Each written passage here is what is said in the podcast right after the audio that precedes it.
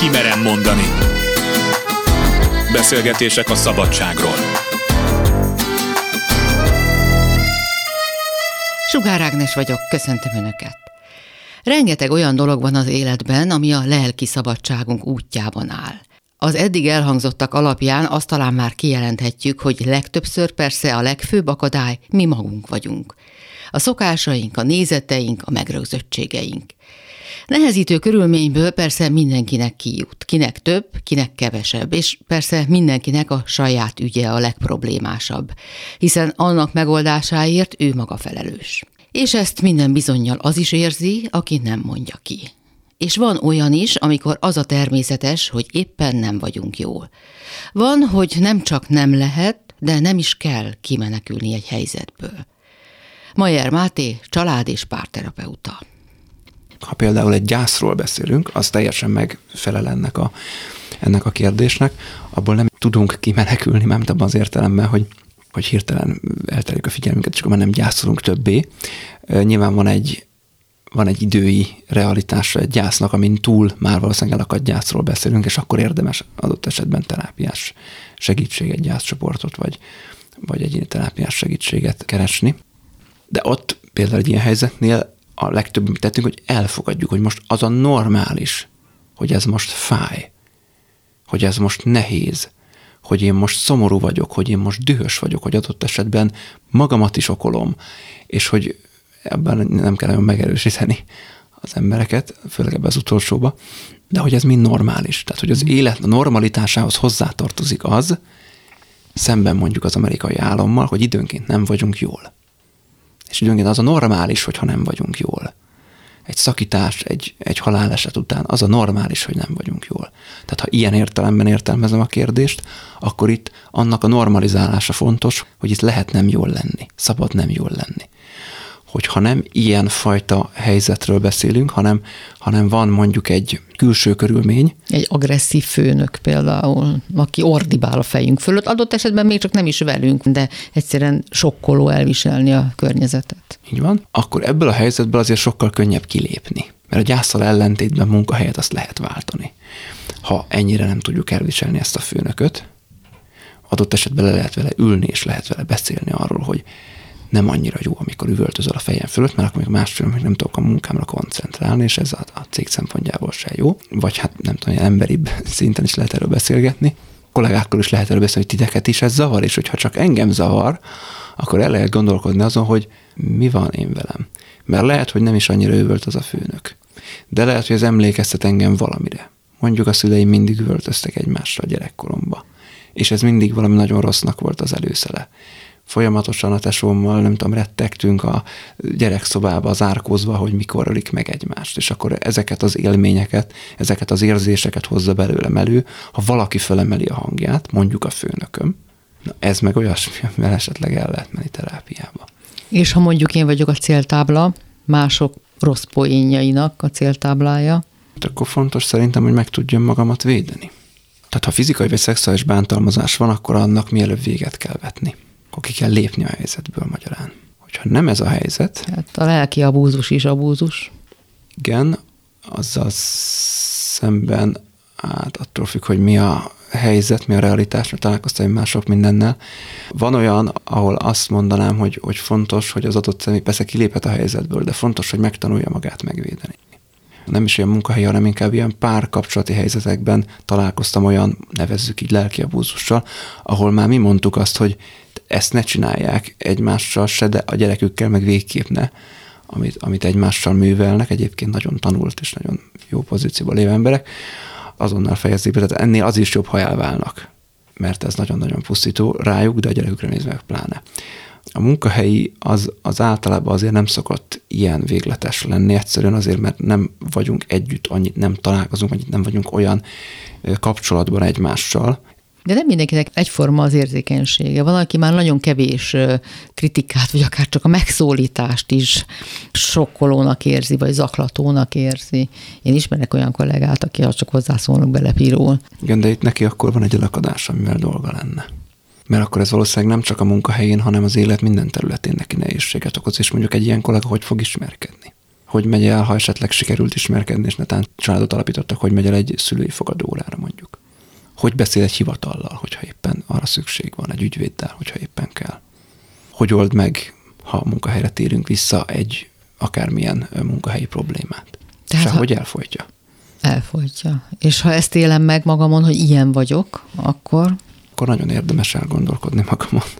És adott esetben itt is indokolt lehet a, a terápiás segítségkérés.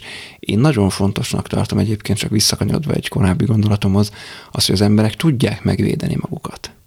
A segítő szakmákban, vagy a pszichológiában az egy alaptézis, hogy akkor tud egy segítő segíteni, hogyha ő egyébként biztonságban érzi magát a terápiás helyzetben.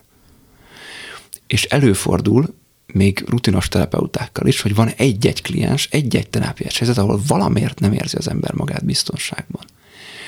Velem is előfordul. Saját példát mondok, tehát hogy akkor itt mindig azon kell elgondolkodni, vagy azon érdemes elgondolkodni, hogy én ott vajon mitől veszítettem el a belső biztonságérzetemet, és hogyan tudom azt visszaszerezni. Ez azt is jelenti, hogy ha kilépünk a segítőkapcsolatok világából, hogy kell tudnom, vagy fontos tudni mindenkinek konfrontálódni a másokkal. Hogyha kritikát kapok valakitől, és az olyan nagyon-nagyon megérint engem, az biztos, hogy azért van, mert igaz. Vagy legalábbis én igaznak gondolom magamra nézve. Ezt persze kifele kézzel lábbal tagadom, de ha egyáltalán nem gondolnám magamra nézve igaznak, akkor leperegne rólam, akkor nem venném föl.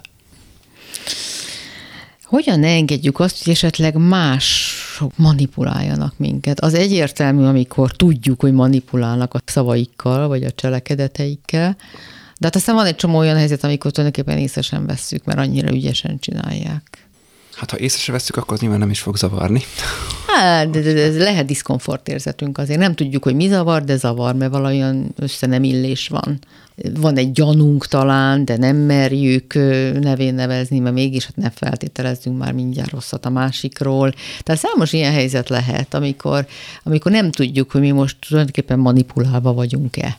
A szabadság szerintem egy fontos kérdés megint, hogy az alapkérdésünk, hogyha én tisztában vagyok azzal, hogy mi az én szabadságom, és mi az, ami nem az, akkor az, hogy más diktáljon nekem, az valójában egy lehetetlen feltétellé válik. De közben pedig nagyon szeretnénk közösséghez tartozni. Azokhoz, akikkel szimpatizálunk, akik befogadnak, lehet, hogy önmagában ez is elég. Hát szerencsére nagyon sok közösség közül válogathatunk. Mondjuk van egy, egy vallási közösség, akik kvázi szektaként működnek ahol nagyon is megvan ez a diktálás, manipulálás, van egy ilyen-olyan pozícióban lévő vezető, aki a szülő szerepben van, vagy a felnőtt szerepben van, és mindenki más, a nyájtagja, ők csak gyerek szerepben lehetnek. Hogyha egy ilyen igazi klasszikus szektáról, egy ilyen nagyon zárt közösségről beszélünk, akkor ott jellemzően nem is lehet fölnőni mármint lelki értelemben nem szabad fölnőni, mert az már járulás a közösséggel szemben, hogyha csak a vezető lehet a fölnőtt, senki más. Na hát itt sok konfliktusba fogunk kerülni egy ilyen közösségben, a saját vágyaink és a, az elvárt normákkal kapcsolatban. Egy ilyen közösség merev, mindig nagyon merev. Egy ilyen közösségben csak olyan módon lehet érni, hogyha kiválok, aki szakadok a közösségből hogyha nem egy ennyire extrém példát nézünk. De az egy nagyon kockázatos dolog is lehet adott esetben, ami akár félelmet is kelthet. Persze. Nem csak azért, mert elszakadok, és magam maradok, hanem akár atrocitások is érhetnek. Mi van, ha valaki egyszer csak erre ébred, hogy egy ilyen helyzetben van? egyszer csak nem ébredünk erre, mert ez hosszú évek kemény munkája, hogy jön be a helyzetbe. Jó, vagyok. de hogy tudatosodjon benne, az lehet, hogy egy pillanat. Hát szerintem az is egy folyamat, de mondjuk lehet, hogy igen, egyszer csak így van egy ilyen ébredés.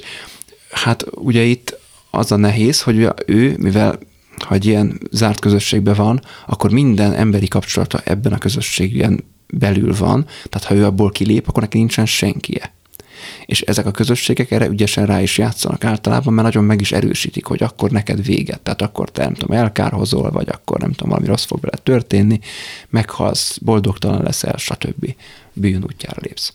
És mivel alapvetően ezek ilyen moralizáló logika mentén működő közösségek, és nyilván, aki ebben nevelkedik, vagy ebbe él sokáig, az magáévá teszi ezt a szemléletet, ezért neki nagyon nehéz ebből ugye kilépnie. Ez is egyfajta függő helyzet, hogyha tetszik. Csak itt nem egy szertől függ, a, a személy. Hogyha nem egy ennyire extrém helyzetet nézünk, hanem egy, hanem egy ennél, ennél rugalmasabb közösségi helyzetet, akkor ugye az, hogy valaki diktál nekünk, az egy domináns pozíció. Az, hogy valaki domináns pozícióba kerülhet velünk szemben, az csak akkor tud megtörténni, ha ebben mi partnerek vagyunk. Ugye a hatalom kérdéséhez érkezünk el, a hatalom az egy virtuális dolog. Az nem egy megfogható valami, mint mondjuk a fa vagy a víz, az nem érinthető, az egy fejünkben lévő szociális konstrukció, hogy ilyen szakszavakat dobáljak, és akkor van valakinek fölöttünk hatalma, hogyha mi ezt hisszük. Egyébként meg nincs. Próbálkozhat kényszerítő intézkedéseket használni velünk szemben, nem tudom én, karhatalmat, ügyvédeket, mint a bíróságot, stb. De ezek által valójában bennünket nem tud rávenni semmire, akkor, hogyha mi nem tartunk ezektől. Is, ha tartunk, mert mondjuk az egzisztenciánk függ tőle, vagy a fizikai biztonságunk, ha elhisszük, hogy függ tőle az egzisztenciánk vagy a fizikai biztonságunk, akkor nyilván már tud ránk hatással lenni. De hogy hozzak egy nagyon extrém példát, ha valaki egy fegyvert fog a fejünkhöz, és elénk tesz egy papírt, nem tudjuk, mi van benne, és azt mondja, hogy írd alá. Nyilván egy ilyen nagyon erős érzelmileg túlfűtött helyzetben nagyon nehéz racionálisan gondolkodni, de ha tudunk racionálisan gondolkodni, akkor abban a pillanatban, hogy ő meghúzza a ravaszt, azt a szerződést senki nem fogja aláírni. Neki csak addig van ránk szüksége, amíg azt mi alá nem írjuk. Ha viszont mi azt nem írjuk alá, akkor azzal azonnal bizonyítjuk, hogy neki nincsen hatalma fölöttünk. Arra van hatalma, hogy minket megöljön, de arra nincs, hogy azt a szerződést mi aláírjuk. Tehát a viselkedésünket nem tudja befolyásolni. Azért egy ilyen extrém példát hoztam, mert ebben szerintem nagyon jól meg lehet látni, hogy a szabadság az miben is áll illetve a dominanciával szembeni szabadság az miben is áll. Gondoljunk bele, ha valaki eljut idáig, hogy mondjuk egy szektának a tagja húzamosabb ideig, vagy ilyen helyzetbe kerül, hogy fegyvert fognak a fejéhez, akkor azért abban vaskosan benne van ő is, hogy idáig eljutott. Tehát mitől fordulna meg egy pillanat alatt, mitől válna szabaddá? Ugye a szektás helyzetben, hogyha ugye a szekta által képviselt értékek, illetve életvezetés amit nyilván ő maga is él, és a saját vágyai azok ütköznek. Akkor ott biztos, hogy lesz egy belső diszonancia, amit vagy úgy old föl, hogy nekem bűnösek a vágyaim, és nekem vezekelnem kell, és akkor még inkább megerősödik a, a szektához való tartozása, és akkor a szekta vezér az majd engem feloldoz, és akkor nem tudom, mit csinál, és akkor ilyen gyakorlatokat végzek, hogy megszabaduljak a gonosz bűnös vágyaimtól. Tehát vagy ezt az utat választja, vagy pedig egy ponton a vágyai mellett dönt, és akkor a kapcsolatrendszer, ugye túl merev ahhoz, hogy változni tudjon, az törni fog. És akkor az úgy fog törni, hogy ő abból kilép. A másik helyzetben pedig hát elképesztő bátorság. Mi kell ahhoz, hogy ne írjam alá? Ott a helyzet átlátása. Ugye ott a helyzetben ez nem biztos, hogy könnyen meg tud születni, pont azért, ahogy mondtam is, egy nagyon erős érzelmek túlfűtött helyzet van. De hogyha ezt a helyzetet megelőzően nekem vannak olyan élményeim, ahol a szabadság ilyenfajta miben létét, és a hatalom ilyenfajta miben létét én már megtapasztaltam, tehát van már erre egy előképem, akkor nagyobb valószínűséggel nem fogom aláírni azt a papírt, mint hogyha ilyenek nekem nincsenek. A tanult tehetetlenség kifejezést szerintem nagyon sokan hallották, vagy ismerik. Ugye azt hiszem laikusként arra gondolunk, vagy gondolhatunk a legtöbben ilyenkor, amikor veszélyhelyzetben valaki már semmit nem tud, nem mer tenni, akkor sem, ha lehetősége volna rá. Mert nem hiszi el, hogy szabadságában áll bármit tenni, például elmenekülni.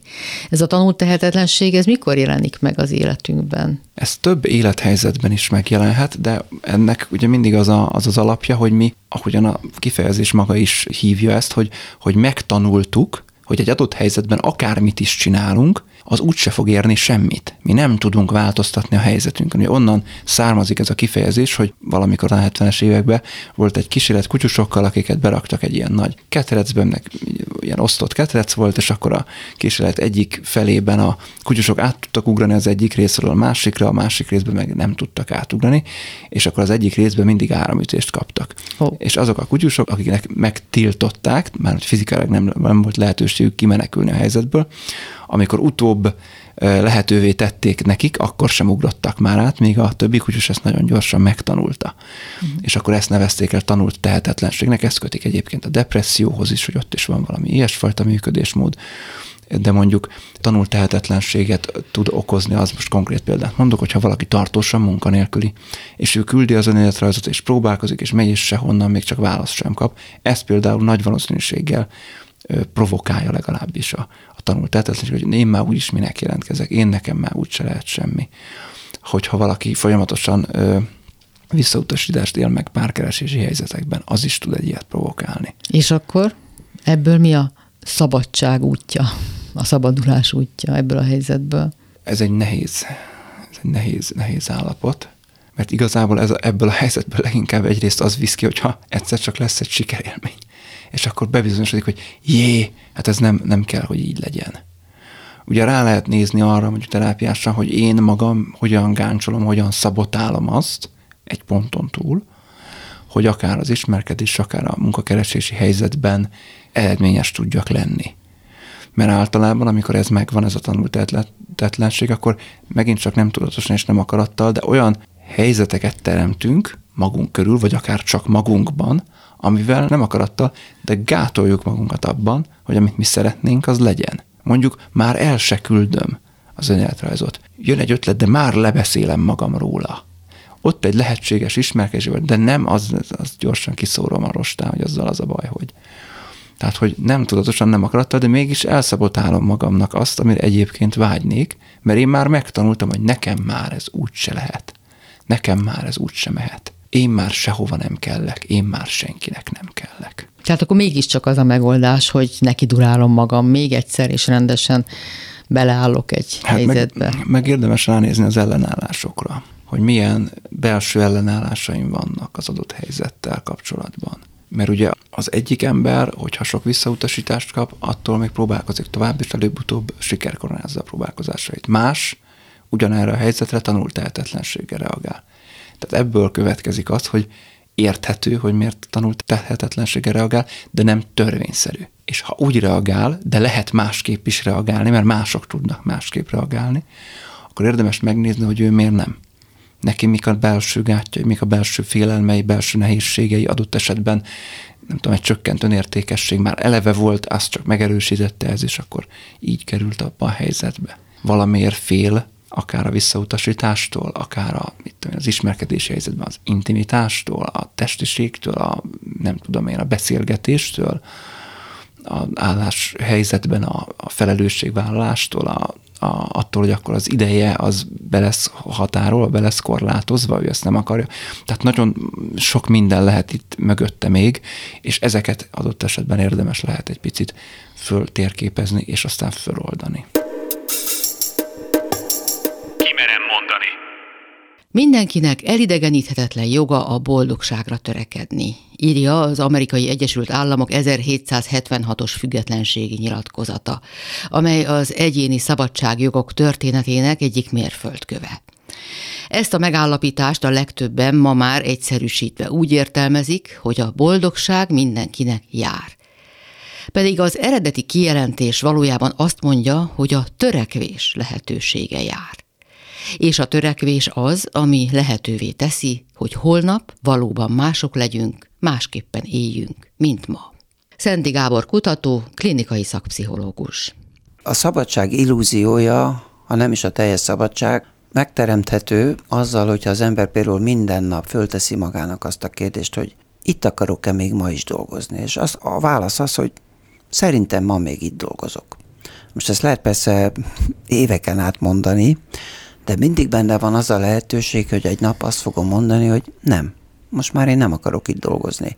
Tehát itt tulajdonképpen szimbolikusan olyan helyzetbe hozom magamat, azáltal, hogy minden nap megkérdezem, hogy itt akarok-e még dolgozni, hogy egy választás elé állítom magamat. Ha azt mondanám, mint ahogy sokan ezt hát hol dolgoznám, mi más csinálnék, hát, hát, hát itt kell dolgozzam. Ugye ott föl sem merül a változtatás lehetősége. Tehát én azt gondolom, ha valaki nekem parancsolgat, akkor végig gondolom, hogy, hogy mi lesz a következménye annak, hogyha nem engedelmeskedem, és ha úgy látom jónak, hogy per pillanat most jobb engedelmeskedni, akkor engedelmeskedem, mint hogy volt egyszer nekem a egyetemi színpadon volt egy főnököm, minden reggel bejött, és elkezdett ordítani, hogy miért nincs rend az asztalomon. Propagandista voltam, annyi munkám volt, mondtam neki, hogy most minden munka után elkezdek elpakolni, az egy óra, másnap bejövök, és elkezdek kipakolni, az megint egy óra. Tehát két óra elveszett a munkámból. Őt nem érdekli, itt rend legyen. És én akkor magamban azt mondtam, hogy oké, okay, majd eljön az én időm. És valóban reméltem, hogy föl fognak venni a filmgyárba, de az még egyáltalán volt biztos. És egy nap megint bejött és ordított, és bement a szobájába. És akkor én szépen írtam egy felmondó levelet, és bekopogtam, és mondtam, hogy és akkor bent csönd támadt, pár perc múlva kijött, és mondta, hogy hát ezt beszéljük meg, mert, mert tehát menni kell a munkának, akkor ezentúl be se kell járjak, csak menjen a munka. Hmm. Ugye ez egy olyan igazi győzelem volt, tehát azért is maradt így meg bennem, de ez annak volt a következménye, hogy mindig ott volt bennem az, hogy én itt átmenetileg vagyok. Hogy az meddig tart, azt, azt részben az is eldöntötte, hogy mikor lett ez a reménybeli másik állás. Igen, a ragaszkodás kérdése, hogy vajon szabad-e ragaszkodnunk túlságosan egy helyzethez, mert amint ragaszkodni kezdünk, sokkal többet föladunk önmagunkból. Na jó, nem jó itt lenni, meg sok szenvedéssel is jár, de mégiscsak szeretem, amit csinálok. Sokszor vannak ilyen vegyes érzéseink. Ez arról szól, hogy kompromisszumokban éljük az életünket. A legszabadabb és legteljesebb életet élő ember is időnként megcsömörlik, és azt mondja, hogy jó, ez nekem, akartam én ezt. Ilyenkor jobb, ha kivárunk és újra kérdezzük magunkat? Hát egyrészt azért ezeket komolyan kell venni, mert lehet, hogy meg kell újulnunk. Még adott szakmán belül is, mondjuk a pszichológusság az ugye elég nagy szabadságot jelent, sok mindent csinálhat az ember. Én például azért csak két napot rendelek, mert pontosan tudom, hogy ha mondjuk hétfőtől péntekig rendelnék, egy idő után telítődnék. Tehát annyit nem bír el az ember. A Rogers nekem ilyen szempontból a példaképem, ő a személyközpontú terápiának volt az alapítója, és ő mindig azt csinálta, hogy pár évig terápiát folytatott, majd elvonult, és írt egy könyvet. Uh-huh. Tehát, hogy mindig egy magasabb szintre lépett, mint egy összefoglalta addigi tapasztalatait, és egy bizonyos értelemben én is ilyesmiket csinálok, amikor cikkeket írok, könyveket írok, ezek egyfajta elvonulások. Sok emberi konfliktus oka, hogy tulajdonképpen mindenki a saját belső egyensúlyára törekszik. Tehát úgy élünk egymás mellett, hogy a belső egyensúlyunkat keressük, és eközben sebzünk meg másokat, és tesszük tönkre a mások és a saját életünket is akár. Ez a belső egyensúly, ez így megfogalmazva úgy tűnik, mint egy optimális, kívánatos állapot. Azt hisszük, hogy majd, ha így meg így viselkedünk, ha így meg így működünk, akkor majd ez a mi igazunkat hozza el, és az egyfajta egyensúlyt jelent. Igen, csak itt megint elszakadunk a tényszerű gondolkodástól. Belemegyünk olyan vitákba, hogy te nekem nem mondám azt, hogy én nem tudom én mi vagyok, te meg akkor hólyak fejű vagy, és akkor ugye teljesen értelmetlen viták zajlanak. Mindig az a kérdés, hogy mi a célunk? Én a célszerű kommunikációt próbálom mindig igen, erről beszéltünk, de én pont ez, ebből a kiindulva az utóbbi hetekben figyelem a körülöttem zajló párbeszédeket, munkahelyit is, és egyebeket is az utcának, közéletben mindenhol, és azt veszem észre, hogy az emberek nem is figyelnek arra, amit a másik mond, csak hajtják a magukét.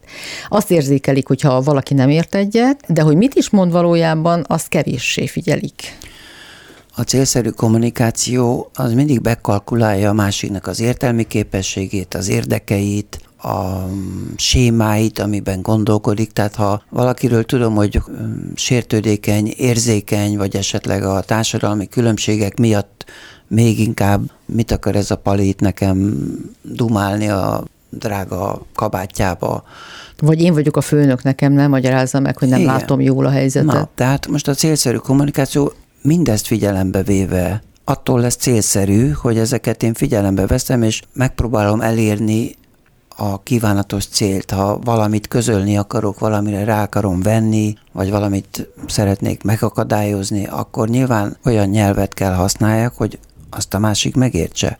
A célszerű kommunikáció nem egyszerűen abból áll, hogy nekem van egy célom, és ezt akkor megpróbálom megvalósítani, nem. Az eszközöket meg kell tudni választani, és ez egy merőben másfajta gondolkodást jelent, tehát tulajdonképpen meg kell tanulni az embereknek a saját sémáiktól is megszabadulni, hiszen azt szoktam mondani, hogy ha valaki az utcán utánam kiabál, hogy hülye állat, akkor ha jó hangulatban vagyok és összeszedett vagyok, akkor meg se rezzenek, hiszen tőlem azt mondhat, amit akar. Most egyébként a Facebookon ez mindennapos, tehát most Persze. akkor végül is nem is kell az utcában gondolkodnunk.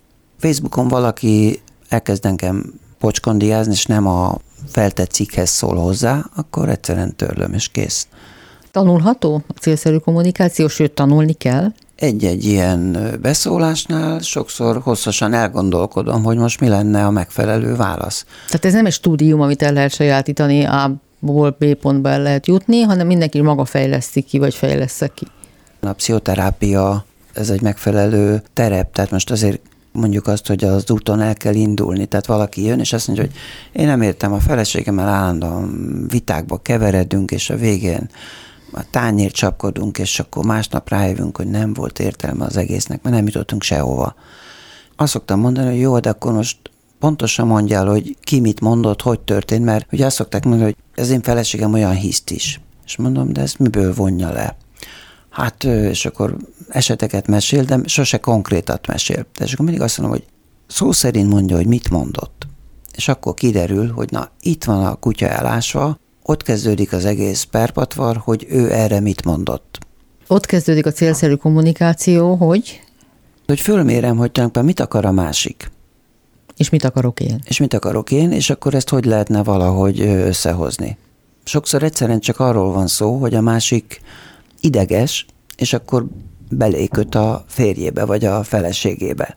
És ha ezt az ember átlátja, akkor nem azt mondja, hogy hogy beszélsz te már megint velem, hanem megkérdezi, hogy történt valami, vagy tudok segíteni valamit, vagy most lehet, hogy olyan a férj, hogy ezt se lehet neki mondani, mert ő neki ne segítsen senki, vagy egyszerűen nem mondok semmit. Mm. És megvárom, hogy lehiggadjon. Tehát most ez nyilván a konkrét ember és a helyzet ismeretében lehet csak megmondani, hogy mi a jó válasz, tehát nincs egy nagy könyv, hogy onnan kikeressük, hogy mit kell ilyenkor mondani, de az a lényeg, hogy ismerjük föl, hogy a másik érzelmi állapota mitől alakult ki, és mivel lehetne az jól kezelni. Az is egy állandó kihívás számunkra, hogy hogy szerezzünk kontrollt, sokszor kontrollálhatatlan események fölött. Mert ugye az emberi létezésnek egy alapélménye, vagy alapigénye, hogy a dolgokat kontrolláljuk, akkor érzünk valamiféle biztonságot. Nagyon sokszor a kontroll illúzióját teremtik meg az emberek különböző eszközökkel. Amikor általam nem irányítható események vannak, és akkor én ezt mégis megpróbálom úgy megélni, mint hogyha nekem abba beleszólásom lenne. Mondanám azt a szélsőséges esetet, amikor gyakorlatilag nincs beleszólásom a dolgokba.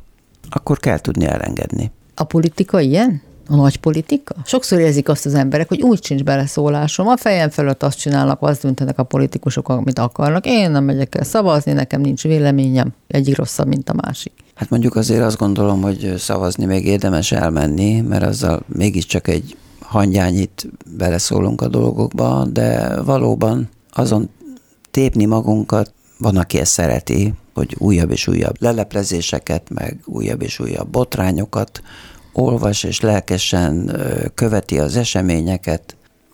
Hát mondjuk, hogy ezt lehet egy passziónak tekinteni, csak az is volna a cél, hogy fölöslegesen ne borítsuk ki magunkat állandóan. Én azt gondolom, hogy a cél az volna, hogy egy ilyen kiegyensúlyozott, nyugodt érzelmi életünk legyen, ami lehetővé tenné, hogy fontos dolgokra tudjunk koncentrálni. Már ha vannak fontos dolgok az életünkben, de hát ugye sokszor pont az a probléma, hogy már a politika is, mint egyfajta színház, a szórakozásunkra van használva. Dühönkedünk, kifejthetjük, hogy milyen igazságtalan a világ, ugye ezt sok mindenre föl tudjuk aztán használni, önigazolás, meg egyebek. Meddig terjed a kontroll lehetősége az egyénnél? A helyzete válogatja, hogy van-e beleszólásom, meg az sem mindegy, hogy megint a, ugye az előbb beszéltünk arról, hogy, hogy itt, itt akarok-e még ma is dolgozni, ugye nagyon sokszor a, a kontroll megszerzése az egy hosszabb folyamat. De arról nem lehet lemondani, hogyha tartósan az a helyzet engem károsít, elkeserít, depressziósá tesz. Tehát a, a kontroll megszerzése vagy visszaszerzése az egy hosszabb folyamat is lehet. Sok esetben pedig el kell engednünk bizonyos idő után a kontrollt, például amikor felnőnek a gyerekek, és nagyon nehezen engedjük el. Megint csak azért, mert mindenféle elképzeléseink vannak, hogy hogyan kéne lennie a dolgoknak.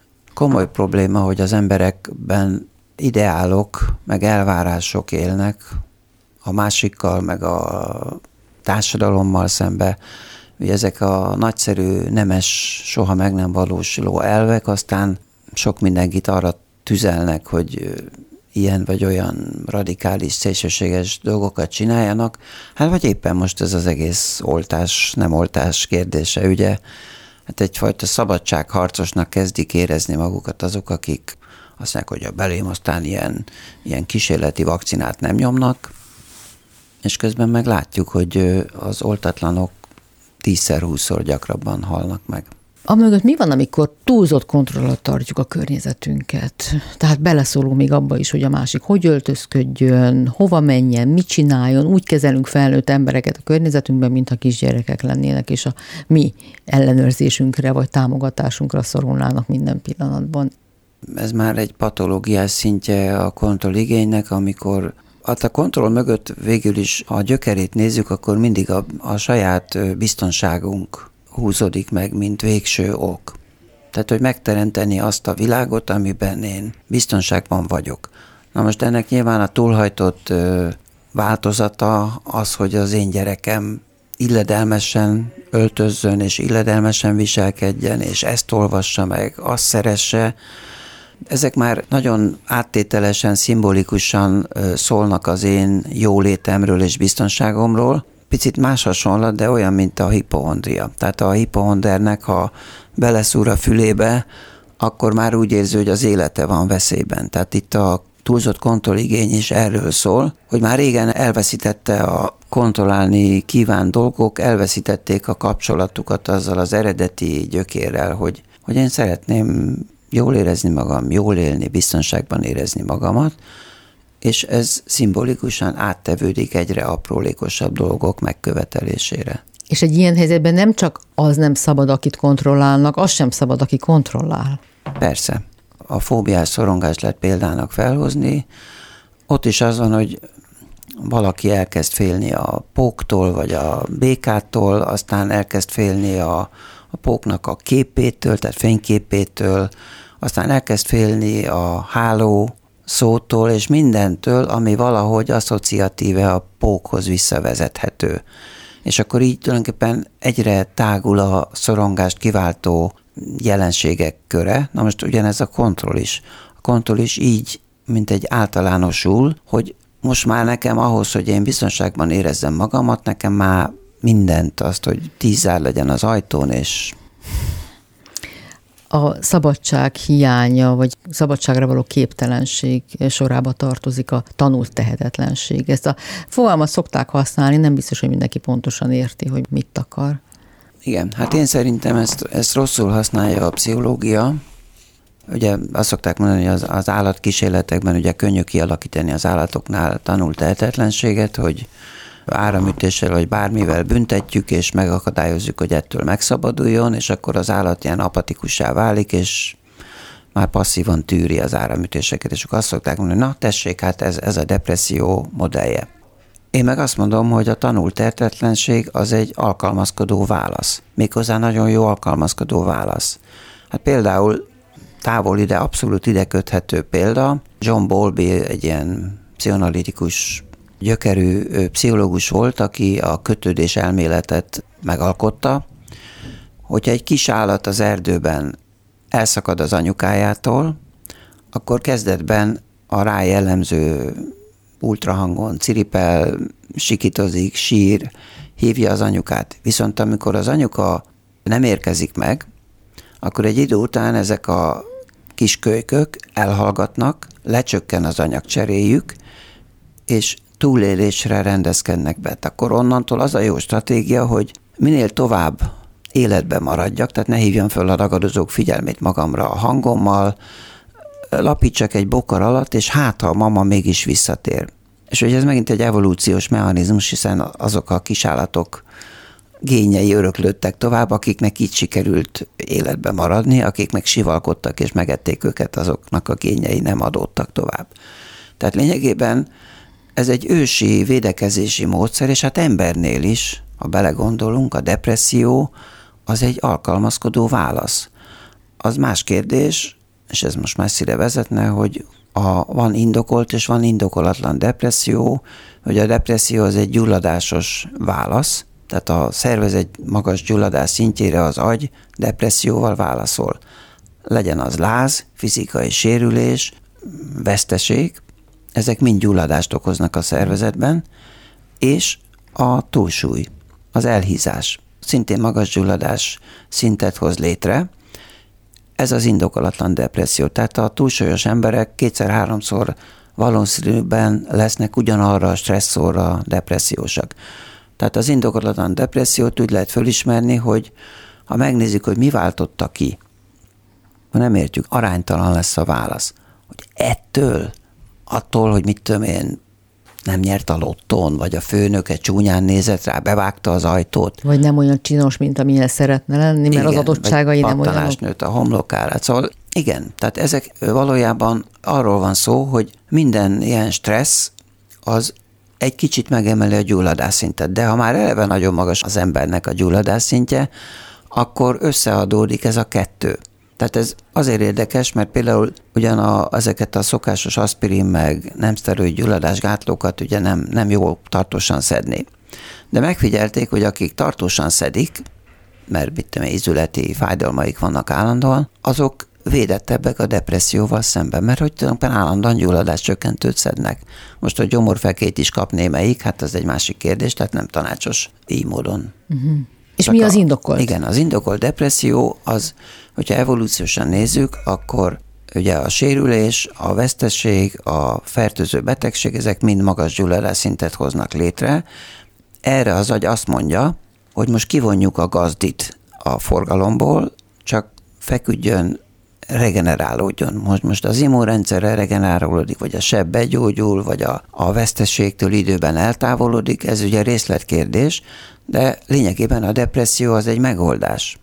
Ahogy a tanult tehetetlenség is. Igen. Csak ugye akkor van probléma, most a tanult tehetetlenségre visszatérve, ha az a kísérletvezető azt mondja, hogy én most halálba kínozom ezt az állatot, akkor ő mondjuk akkor se tud más csinálni, mint passzívan tűrni, de ilyenkor lecsökken a, a fájdalom érzet is. Abból a szempontból is védekezés, hogy már nem is érdekli. Egy ilyen furcsa állapotba kerül, hogy vele most már csinálhatnak, amit akarnak. Ugye a modern társadalmakban sajnos azért is van annyi depressziós, nem csak a elhízás miatt, hanem azért, mert egy gyűlölt munkahelyen, ahol ráadásul meg esetleg úgy is bánnak az emberrel, az megfelel annak a helyzetnek, amikor valaki áramütéseket kap, és nem tud menekülni. Hát persze egy embernek valószínűleg több lehetősége van, de azért el tudom képzelni, hogy mondjuk valaki olyan vidéken él, ahol alig van munka lehetőség, vagy éppen már a polgármester kényekedvén múlik, hogy ő kap-e közmunkát, akkor nem sok választása van, tűrnie kell, viszont annak van egy határa, tehát az emberi tűrőképesség azért korlátozott. Mi tudja ezt megfordítani, amikor valóban ennyire sarokba szorítva éljük az életünket?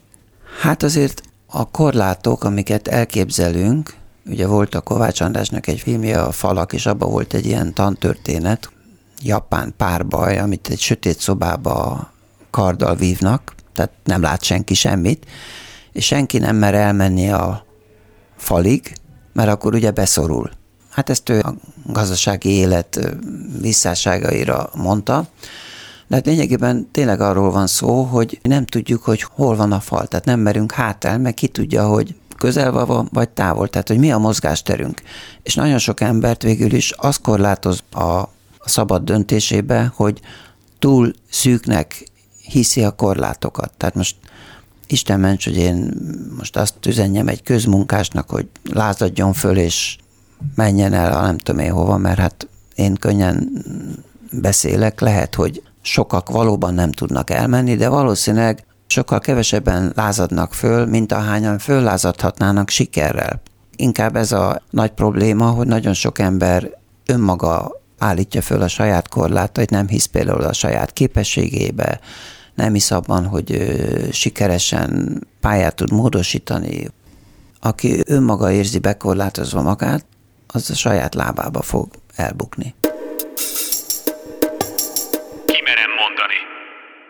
Nincsenek tehát általános receptek, és ezzel megint oda jutottunk, hogy az önismeret, a saját út feltérképezése nem megkerülhető. Általánosságban azokról a tényezőkről lehet beszélni, amik akadályt, nehézséget jelentenek. Ezek között van három, ami nyugodtan nevezhető univerzálisnak. Az úgynevezett gyökér okokat például a buddhizmus már ezer évekkel ezelőtt is ismerte és megnevezte. A szenvedéseink három eredendő oka, vagyis azok a káros tényezők, amelyek nem engedik, hogy a dolgok valódi működését, valódi természetét megismerjük, szóval ami irányítani szokott minket, az a vágy vagy ragaszkodás, az elutasítás vagy gyűlölet, és a nem tudás, vagyis a szellemi tompaság. Ezekről beszélgettünk Komár Lajossal, a Tankapuja buddhista főiskola tanárával. Ha valami nem megfelelő, kellemetlen, rossz vagy szenvedésteli, ahogy a buddhizmus mondja, annak a tanítás szerint három oka valószínűsíthető. Az egyik, hogy valamit nagyon szeretnénk, ami éppen nem, nem elérhető számunkra. A másik, hogy valamit nagyon szeretnénk elkerülni, de itt van, és szembe kell néznünk vele. És a harmadik, ami azért kevésbé látványos, és ritkábban figyelünk fel rá, ugye ezt nevezhetjük egyfajta szellemi tompaságnak, hogy érdektelenségnek, rossz értelembe vetnek, hogy tekintetbe se vesszük. Ezért nem is gondolunk bele, nem gondoljuk végig, ez a mi tudatlanságunk, ez a mi szellemi tompaságunk, és lehet, hogy egy értékes dolog mellett megyünk el, kihagyunk egy lehetőséget, vagy most még megfogható lenne a dolog, megvannak az első tünetek, de elhessegetjük magunktól, van fontosabb dolgunk is, ez még nem olyan nagy dolog, és elmulasztjuk a lehetőségét, hogy még időben reagáljunk, még amikor szinte nincs is baj, vagy alig valami. Tehát az egyik, amikor ez a fajta érdektelenség, tompaság, hogy nem látjuk meg a lehetőséget, a másik pedig nem figyelünk előképpen a figyelmeztető jelekre, de ez, ez ritkábban tetten érhető, mert ha valami nagyon szeretnénk és nincs meg, vagy nagyon nem szeretnénk és ott van azok a jelek, amikre szinte azonnal reagálunk. És ez a fajta érdektelenség, a szemléletünkben megbúvó tompaság, az ritkábban tűnik fel. Utólag persze már, amikor elhatalmasodik a jelenség, a tünet vagy az eseménysor, akkor már fel tudjuk tárni. Vele most kétszer fordult elő az elmúlt fél évben, hogy egy-egy hónapot kellett gondolkodjak rajta, hogy mi a fene az, amit nem veszek, vagy nem vettem észre, pedig látható lett volna, de nem fordítottam rá kellő figyelmet. Egy hónapomban telt most két dolog is, hogy mire megfejtettem magamba, hogy akkor és ott elmulasztottam valamit, pedig tudható lett volna, csak nem, nem törődtem vele. Hát ha ezt mondja egy gyakorló buddhista, itt mondjon az átlagember, hogy lehet tetten érni ezeket a pillanatokat, hogy ne utólag legyünk okosak? Hát nehéz. Az se baj, ha utólag jövünk rá, csak hogy mennyire utólag is, vagy hogy nem kívánatos függő viszony, mennyire hatalmasodik el rajtunk. Egyébként úgy lehet tetten érni, hogyha minden pillanatban, ez a gyakorlat rá, minden pillanatban arra figyelni, ami éppen történik. Ugye mi időnk jelentős részét, sőt, talán nagyobbik részét vagy a múltban, vagy a jövőben töltjük, és ekkor válunk figyelmetlenné. Tehát a jelen idejűség, a jelenlét nagyon fontos, amit különböző gyakorlatokkal lehet nyilván megerősíteni, meg a szándékkal, hogy erre folyamatosan figyelmeztetem magam. Térjünk azért még vissza a másik két okra, a vágyra, meg, a, meg az ellenszemre, az elutasításra, mert oké, okay, hogy ezeket érezzük magunkon, tudunk róluk, de azért nem olyan egyszerű kiiktatni, lemondani ezekről. Inkább az érzelmi dolgokra gondolok én itt most. Ugye van egyfajta vonzalom, szimpátia ugye az emberben, ami működik. Ha ez megjelenik, akkor elhomályosítja a tisztánlátást. Nagyon szeretnénk oda valami kedveset, kellemeset látni. Ez mozgat belülről. Ha meg az ellenszem jelenik meg, akkor keressük benne ösztönösen is, hogy mitől nem jó. És lehet, hogy jól látjuk az adott pillanatban, hogy miért tudnánk együttműködni, miért lenne jó azzal a személlyel, dologgal kapcsolatba kerülni, vagy miért lenne jó elkerülni de ha nem tudjuk másképp jobban körüljárni, nem tárjuk fel, hogy valójában mi mozgat minket, amikor elutasítunk, vagy amikor vonzódunk, akkor rejtve marad a valós működésünk. Nem egyedül vagyunk ebben, és nem egyszerű és megismételhetetlen ez a felismerés, hanem egy folyamatos figyelmet és munkát kívánna. Ugyanez a helyzet az ellenszemben, vagy gyűlölettel, így is szokták fordítani. Igen. Szóval azért a gyűlöletmentesség az inkább óhajtott és lehetséges, mert azért az már nagyon intenzív érzelem, ami nem csak a környezetet veszi igénybe, hanem azt is, aki átéli. Lehet, hogy ez a függő ok-okozati hálóban teljesen értelmes, hogy ilyen érzés kél fel bennünk, de így akarunk maradni? Mi is változunk, és az a helyzet vagy személy is változik, aki felé azt a gyűlöletet érezzük. Ez nem jó viszony. Inkább azon kellene dolgozni, amennyire tudunk, hogy feloldjuk ezt a helyzetet, hogy a gyűlöletből ellenszem szelidüljön, az ellenszemből meg elfogadás valamilyen értelemben.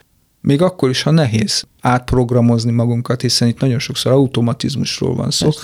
Mondok egy példát, én például írtózom a vöröshajú nőktől. Szegény vöröshajú nők.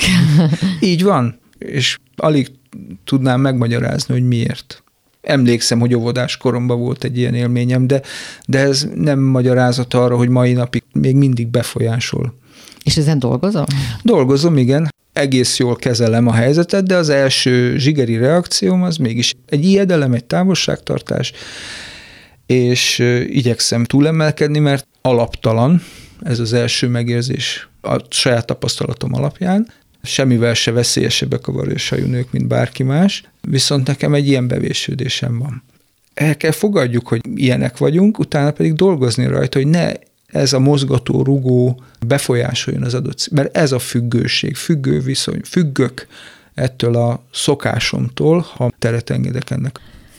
Itt most már hetek óta arról beszélünk, hogy hogy lehet a 2500 éves buddhizmus tanításait lefordítani a mai hétköznapokra, hogy használható, segítő megoldást jelenthessen. Tényleg mitől működik, vagy mitől működhet ez most is, ahogy működött is az évszázadok, az évezredek során?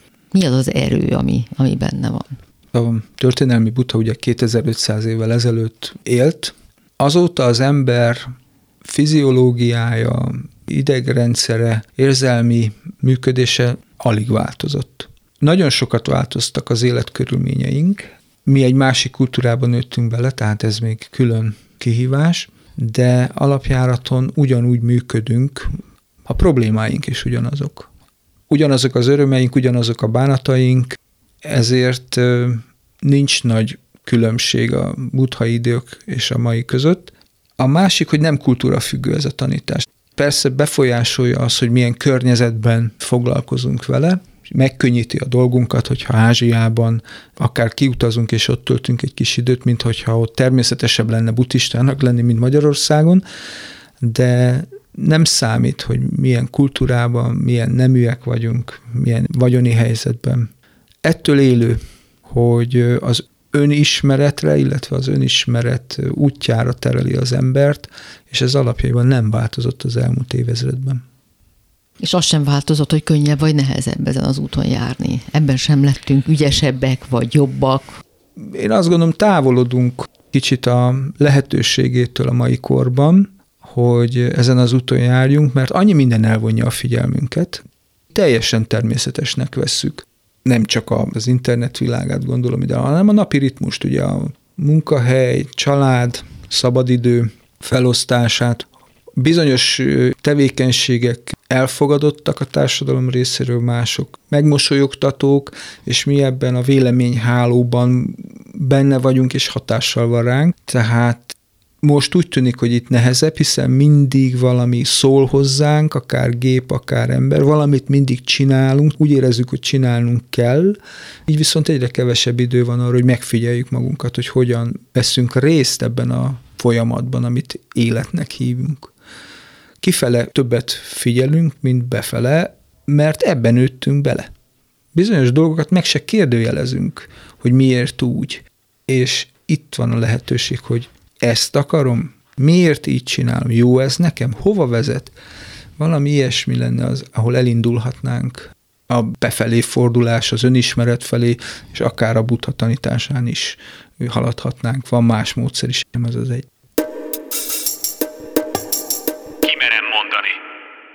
Köszönöm, hogy ma is velünk tartottak. A jövő héten folytatjuk. A műsor elkészítésében segítségemre volt Budai Márton és Bíró Kristóf. Sugár Ágnest hallották.